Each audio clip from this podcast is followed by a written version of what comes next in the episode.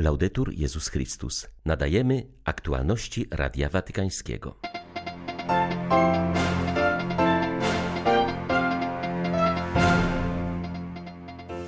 Aż 416 milionów wyznawców Chrystusa żyje w miejscach, gdzie narażeni są na prześladowania, wynika z raportu papieskiego stowarzyszenia Pomoc Kościołowi w Potrzebie. W mijającym roku na świecie zginęło 22 misjonarzy, donosi agencja Fides. Podsumowując dwa lata pandemii, Alessio Pecorario z Watykańskiej Komisji do Spraw COVID-19 podkreśla, że powiązane ze sobą kryzysy zdrowotny i gospodarczy nie tylko nie zdołały nas zniszczyć, ale stały się źródłem solidarności na niespotykaną skalę. Jasna Góra podsumowała mijający rok. Do częstochowskiego sanktuarium przybyło ponad milion sześćset tysięcy pielgrzymów. Pomimo pandemii nie zniknął też fenomen pieszego pielgrzymowania. W 220 kompaniach przybyło prawie 74 tysiące pątników. 31 grudnia witają Państwa Marek Krzysztofiak i Łukasz Sośniak. Zapraszamy na serwis informacyjny. 416 milionów chrześcijan żyje na terenach, gdzie są dyskryminowani i prześladowani. Temat ten wciąż nie jest wystarczająco nagłaśniany, a cierpienie chrześcijan spotyka się w światowych mediach z obojętnością. Wskazuje na to papieskie stowarzyszenie Pomoc Kościołowi w Potrzebie, które od lat monitoruje sytuację chrześcijan. To nie był dobry rok, gdy chodzi o przestrzeganie wolności religijnej. Chrześcijanie wciąż bardzo cierpią, a świat o tym milczy, mówi Radiu Watykańskiemu Alessandro Monteduro z włoskiego biura Pomoc Kościołowi w Potrzebie wskazuje, że pielgrzymka Franciszka do Iraku wyciągnęła na światło dzienne dramat najbardziej okrutnych prześladowań ostatniej dekady, ale islamski terror, szerzący się w innych krajach, wciąż jest przemilczany. Niestety jesteśmy świadkami postępującej radykalizacji i rozszerzania się zjawisk związanych z dżihadem. W całej Afryce istnieje co najmniej kilkadziesiąt organizacji terrorystycznych, które mają ambicje ustanowienia na tych terytoriach swojego kalifatu. Mam na myśli takie kraje jak Burkina Faso, Niger, Czad, Mali, Kamerun czy Nigerię. Burkina Faso, kraju, który do 2015 roku znał tylko pokojowe współistnienie różnych religii i plemion, sytuacja uległa straszliwemu pogorszeniu. Aż 60% kraju nie jest już dostępne dla pomocy humanitarnej. Obecnie mamy tam do czynienia z milionami przesiedleńców. Podobnie ciężko żyje się chrześcijanom w Pakistanie. Ta sytuacja nie znajduje jednak odpowiedniego oddźwięku w mediach i światowej polityce. Wciąż jest zbyt wiele obojętności wobec tych tragedii differenza rispetto a queste tragedie. Kończącym się roku na świecie zginęło 22 misjonarzy, kapłanów, osób zakonnych i świeckich, wynika z raportu opublikowanego przez Watykańską Agencję Misyjną Fides. Najbardziej niebezpiecznym krajem dla głoszenia dobrej nowiny okazała się Nigeria, zresztą kolejny rok z rzędu. Raport informuje, że wśród ofiar znajduje się 13 kapłanów, jeden zakonnik, dwie siostry zakonne i sześciu świeckich. Najwięcej osób zginęło w Afryce. Na tym kontynencie zamordowano też aż siedmiu kapłanów. Ostatni został zastrzelony w Nigerii w Boże Narodzenie. W Ameryce zginęło siedmiu misjonarzy, w Azji trzech, a w Europie zamordowano jednego kapłana. Był nim 60-letni ksiądz Olivier Mer ze Zgromadzenia Misjonarzy Montfortanów, który zginął z ręki mężczyzny, któremu udzielił pomocy w trudnej sytuacji życiowej. Raport nie obejmuje misjonarzy, którzy zmarli na koronawirusa. Agencja Fides informuje ponadto, że w ciągu minionych dwóch dekad na świecie zamordowanych zostało 536 misjonarzy.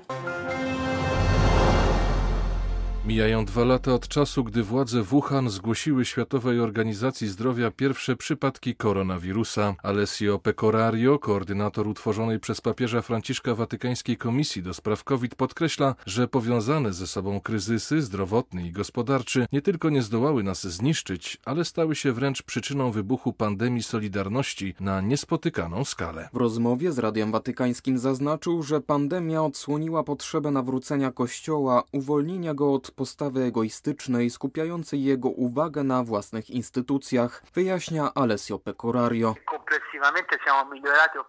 Ocena tego, czy w czasie pandemii świat stał się lepszy czy gorszy, jest oczywiście niemożliwa. Na pewno jednak z powodu COVID mamy na świecie mniej pokoju i mniej rozwoju. Dane pokazują, że był to także fatalny czas dla gospodarki światowej. Są też jednak elementy pozytywne. Byliśmy świadkami eksplozji Solidarności, która stała się tak samo zaraźliwa jak sam wirus. Również przed Kościołem stanęło wiele wyzwań. Myślę, że zrozumieliśmy konieczność instytucjonalnego nawrócenia. Wyłoniła się wizja Kościoła wychodzącego, synodalnego i słuchającego, konieczność budzenia macierzyńskiego stylu wspólnot chrześcijańskich, zainteresowanych opieką nad najsłabszymi i zmarginalizowanymi. Konieczny jest także powrót do zasad, które znajdują się u podstaw nauczania społecznego Kościoła, takich jak godność osoby, dążenie do dobra wspólnego, preferencyjna opcja na rzecz ubogich czy troska o nasz wspólny dom. Zasady te pomagają przywódcom światowym dążyć do integralnego rozwoju człowieka, ale także pomagają Kościołowi docierać do tych miejsc, gdzie jest najbardziej potrzebny.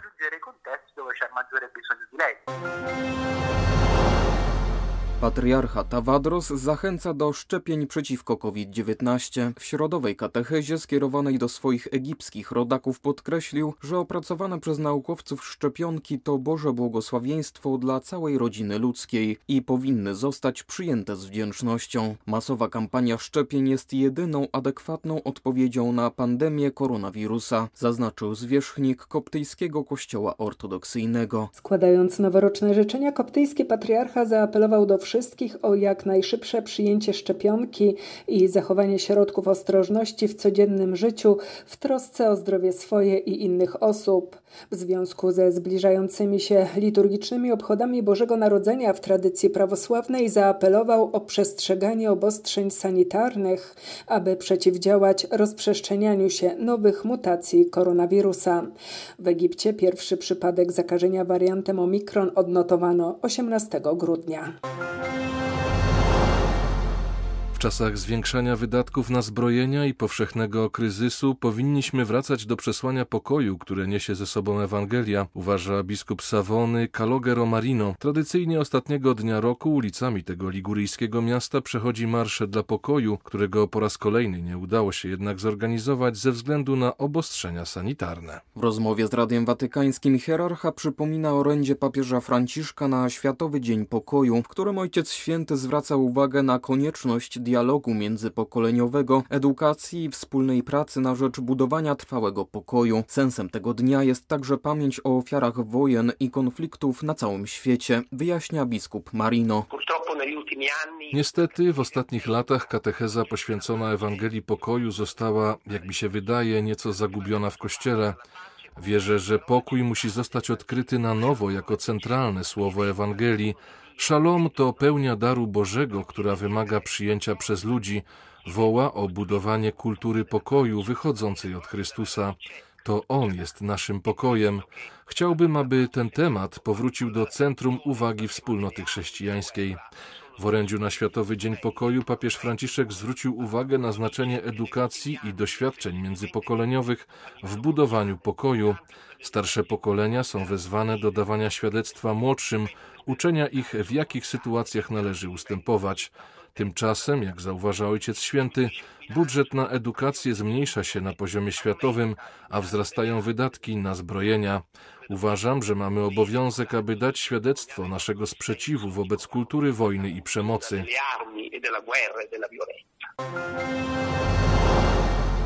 Spotkanie między prezydentem Palestyny i izraelskim ministrem obrony daje nadzieję na ustabilizowanie stosunków między Izraelczykami a Palestyńczykami, uważa Giorgio Bernardelli, redaktor miesięcznika papieskiego Instytutu Misji Zagranicznych Świat i Misja. Jak powiedział w rozmowie z Radiem Watykańskim Giorgio Bernardelli, rozmowy te mają znaczenie nie tylko dla negocjacji pokojowych, ale także między innymi dla uregulowania statusu Palestyńczyków przebywających na terenie Izraela.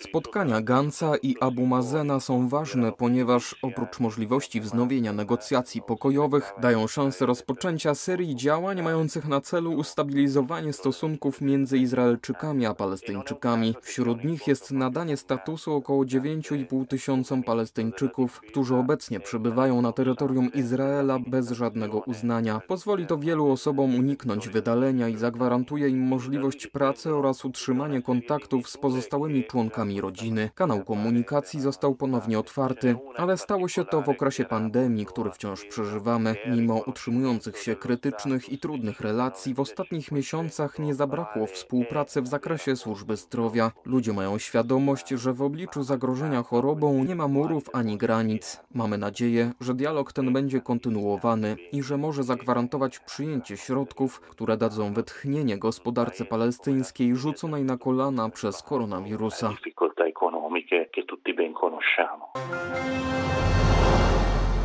Nowa książka siostry Emmy Zordan, wolontariuszki w rzymskim więzieniu Rebibia, zawiera opowieść o lękach i emocjach więźniów podczas pandemii. Zebrane teksty osadzonych opowiadają o ich życiu w czasie pandemii, o strachu i samotności, począwszy od pierwszego lockdownu prawie dwa lata temu. Trzeba odkryć na nowo człowieczeństwo tych ludzi, uznać ich za osoby, uważa autorka. Świadectwa więźniów ukazują rzeczywistość więzienną od wewnątrz i służą przełamywaniu uprzedzeń, a przede wszystkim obojętności obojętności społeczeństwa wobec nich. Osadzeni, kiedy ponownie są przyjmowani do pracy po wyjściu z więzienia, czują, że jest w stosunku do nich wiele nieufności, mówi siostra Zordan.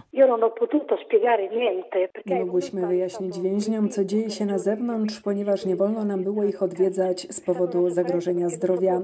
Napisałam do niektórych skazanych i otrzymałam odpowiedzi, w których było tyle niepokoju, że czułam się nieswojo, nie mogąc być blisko ludzi, którzy są w potrzebie. Choć nie ma obecnie lockdownu, więzienie jest nadal pozostawione samo sobie.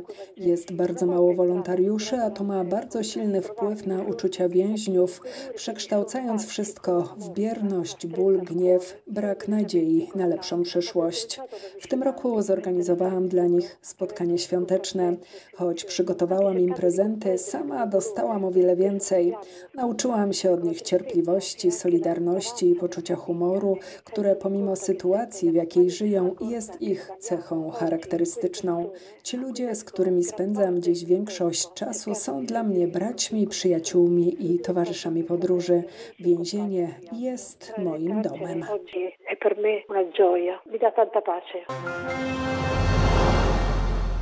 Ponad milion sześćset tysięcy pielgrzymów przybyło na Jasną Górę w 2021 roku. Dziękujemy wszystkim, którzy fizycznie i duchowo tu pielgrzymowali, rodakom w kraju i za granicą, tym, którzy w trudnym czasie, w rygorach sanitarnych, organizowali pielgrzymki, pieszym pątnikom i mediom za jasnogórski przekaz, mówili Paulini podczas konferencji prasowej podsumowującej mijający rok. Życie częstochowskiego sanktuarium wyznacza charyzmat tego miejsca, ołtarz i konfesjonał, podkreślił przeor Jasnej Jasnej Góry ojciec Samuel Pacholski. Cieszę się, że Jasna Góra pozostaje ciągle ważnym, istotnym miejscem na mapie Kościoła w Polsce, a dla wielu jest duchową stolicą i stąd czerpią moc i siłę do tego, żeby iść za głosem Ewangelii. Wciąż trwa fenomen pieszych pielgrzymek. Ojciec Michał Legany, rzecznik Jasnej Góry, poinformował, że w 220 kompaniach przyszło prawie 74 tysiące pątników. Było to więc pielgrzymowanie znów na skalę masową, a jednocześnie pielgrzymowanie bezpieczne i wszystkim tym, którzy odpowiadają za bezpieczeństwo pielgrzymów, organizują pielgrzymki piesze, bardzo serdecznie pragniemy podziękować. Kustosz sanktuarium, ojciec Waldemar Pastusiak podsumował,